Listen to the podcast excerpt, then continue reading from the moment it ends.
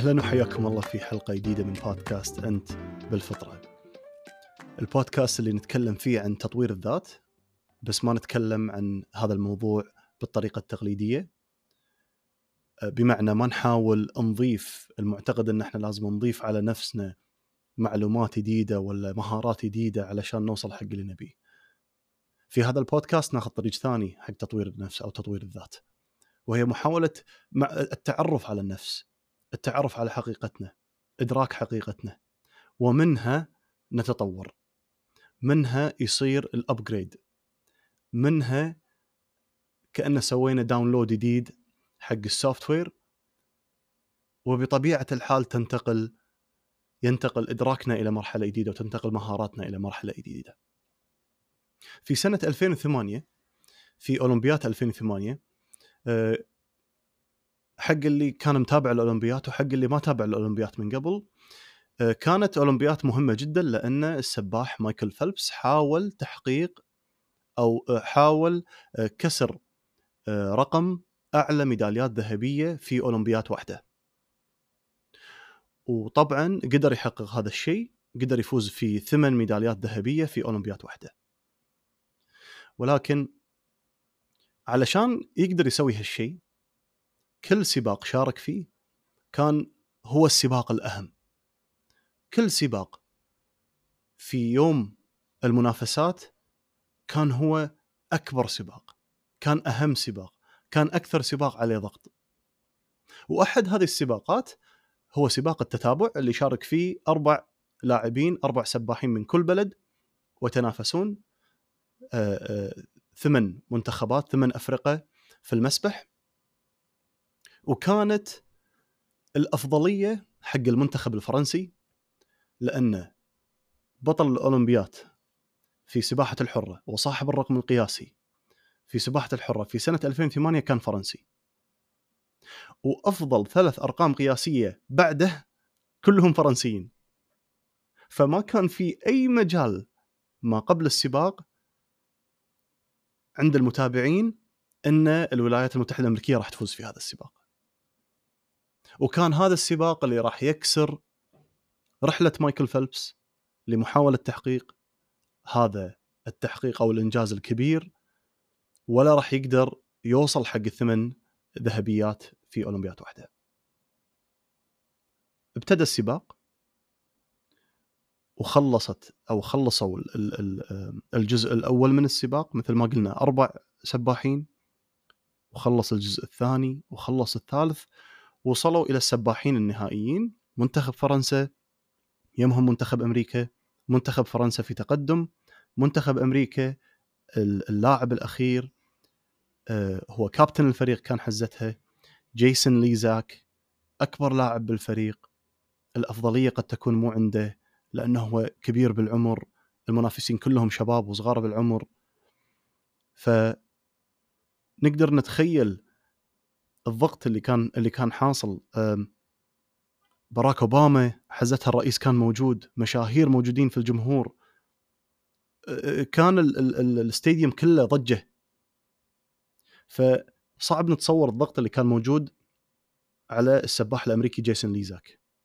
فلما لمس زميل جيسون الطوفة وقفز جيسون في الماي وكانت فرنسا already لاعبهم الأخير هو صاحب الرقم القياسي already في الماي تقريبا ثلاث أربع أو خمسة أمتار بتقدم وفي هذا المستوى الأولمبي ثلاث أربع أو خمسة أمتار نقدر نقول أنهت السباق. خلاص لا يوجد سباق لا يوجد ميدالية ذهبية للمنتخب الأمريكي.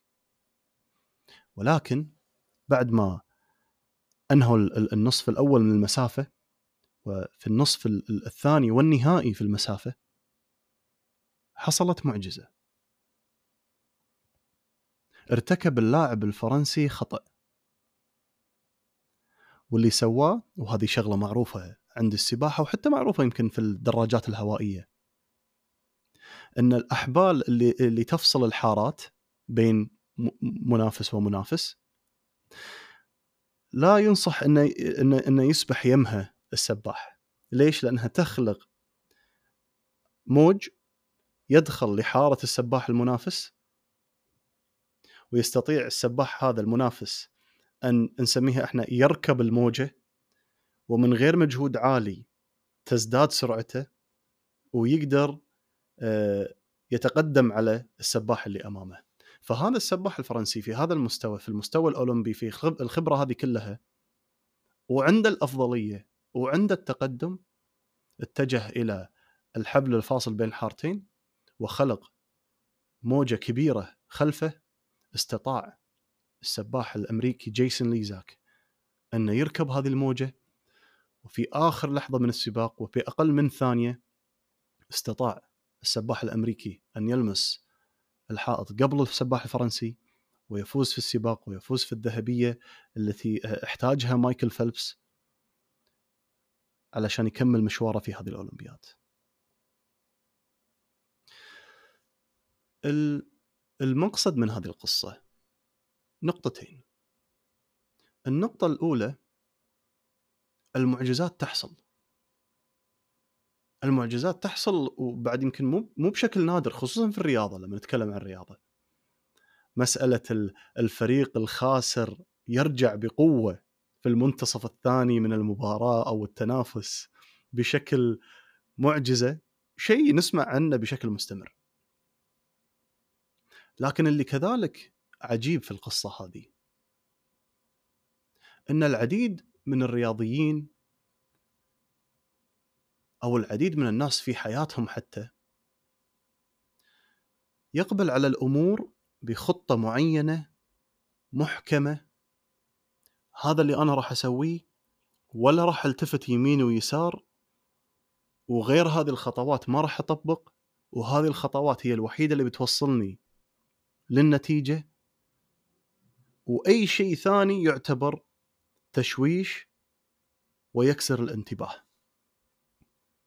ولكن في هذه القصة هذا الكلام غير صحيح.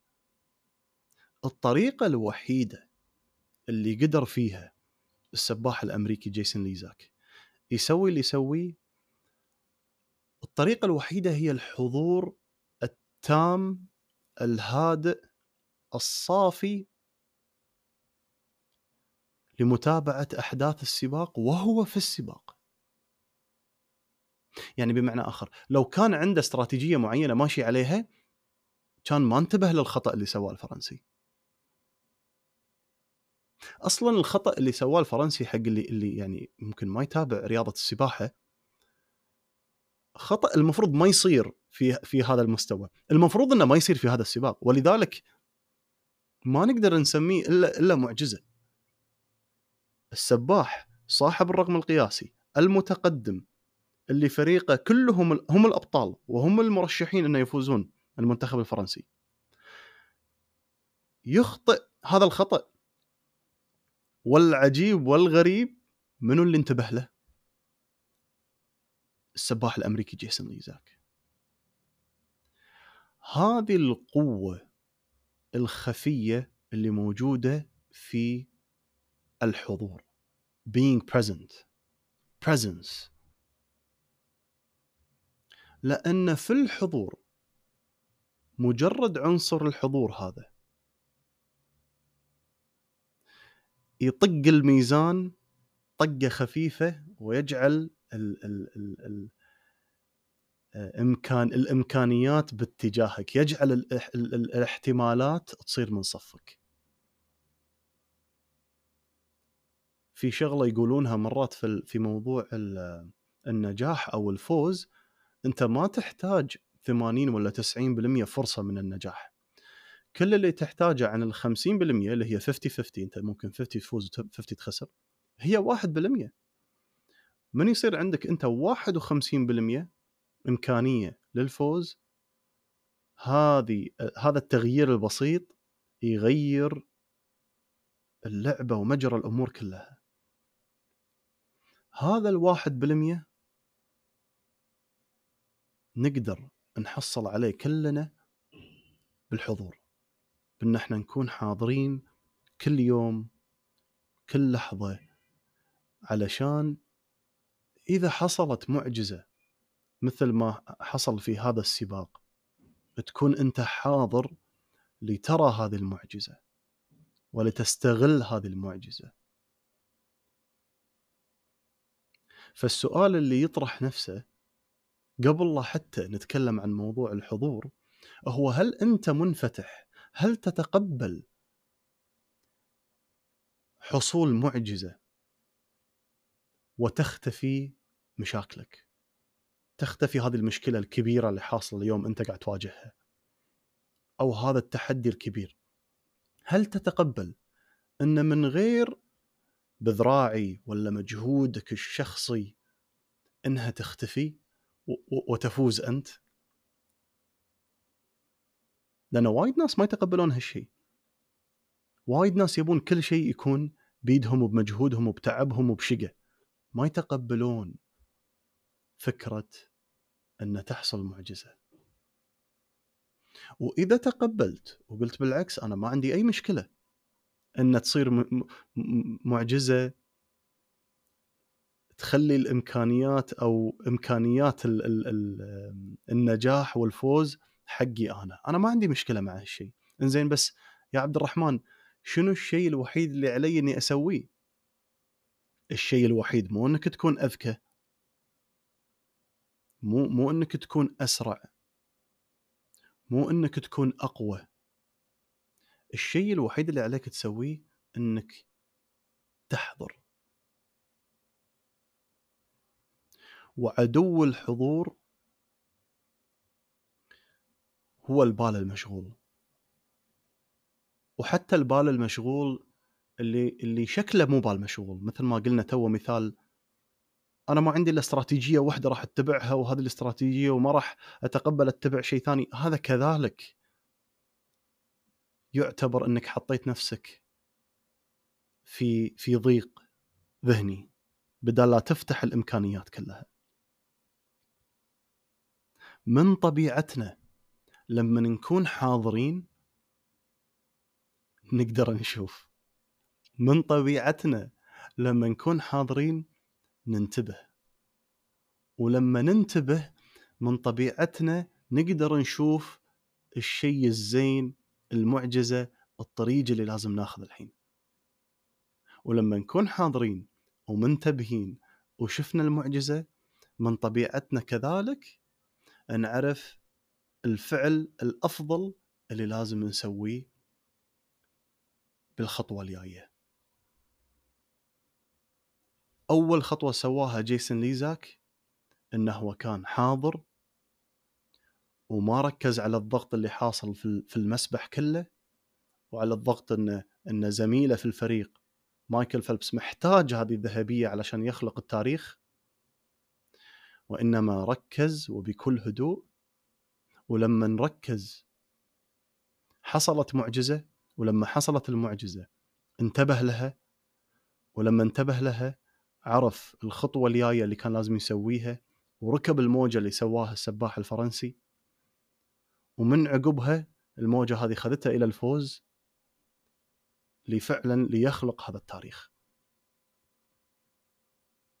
وما أعتقد في أي حزن أو disappointment عند جيسون ليزاك إن الطريقة اللي قدر يفوز فيها كانت عن طريق خطأ السباح الفرنسي. ما أعتقد إنه هو رجع البيت وضاق خلقه وقال لا كنت أبي آخذ هالفوز من غير حصول هذا الشيء لأن اللي سواه عن طريق إنه هو حضر بحد ذاته يذكر له ويحسب على إنه هو هذا الفعل أو العمل اللي يغير مجرى الأمور.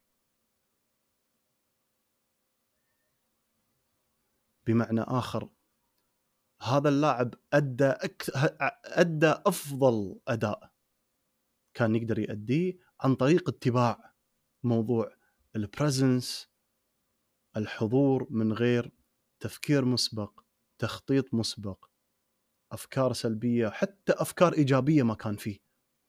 مستحيل لأن لو كان في أفكار إيجابية خلينا نفترض كلم نفسه وقال لا راح أقدر راح أقدر راح أقدر. بس عقله الباطن يدري إنه ما راح يقدر لأن هذا الفرنسي صاحب الرقم القياسي. هذا كلام فاضي. اللي كان ما كان يقدر أصلا ما كان يقدر يوصل للاعب الفرنسي لو اللاعب ما أخطأ. فحتى التفكير الإيجابي أو الحشو أنا بسميه حتى الحشو الإيجابي ما كان راح يفيد. كل اللي سواه إنه هو بكل هدوء كان بريزنت محايد مركز قاعد يعطي أفضل ما عنده ومنتبه. وكل شيء ثاني طاح بالمكان الصح علشان يخدمه. لذلك البرزنس حضورك والمعجزات. إن حضرت راح تنتبه وإذا انتبهت راح تشوف هذه المعجزة اللي راح تغير مجرى الأمور في حياتك. الله يعطيكم العافية وأكلمكم في الحلقة الجاية.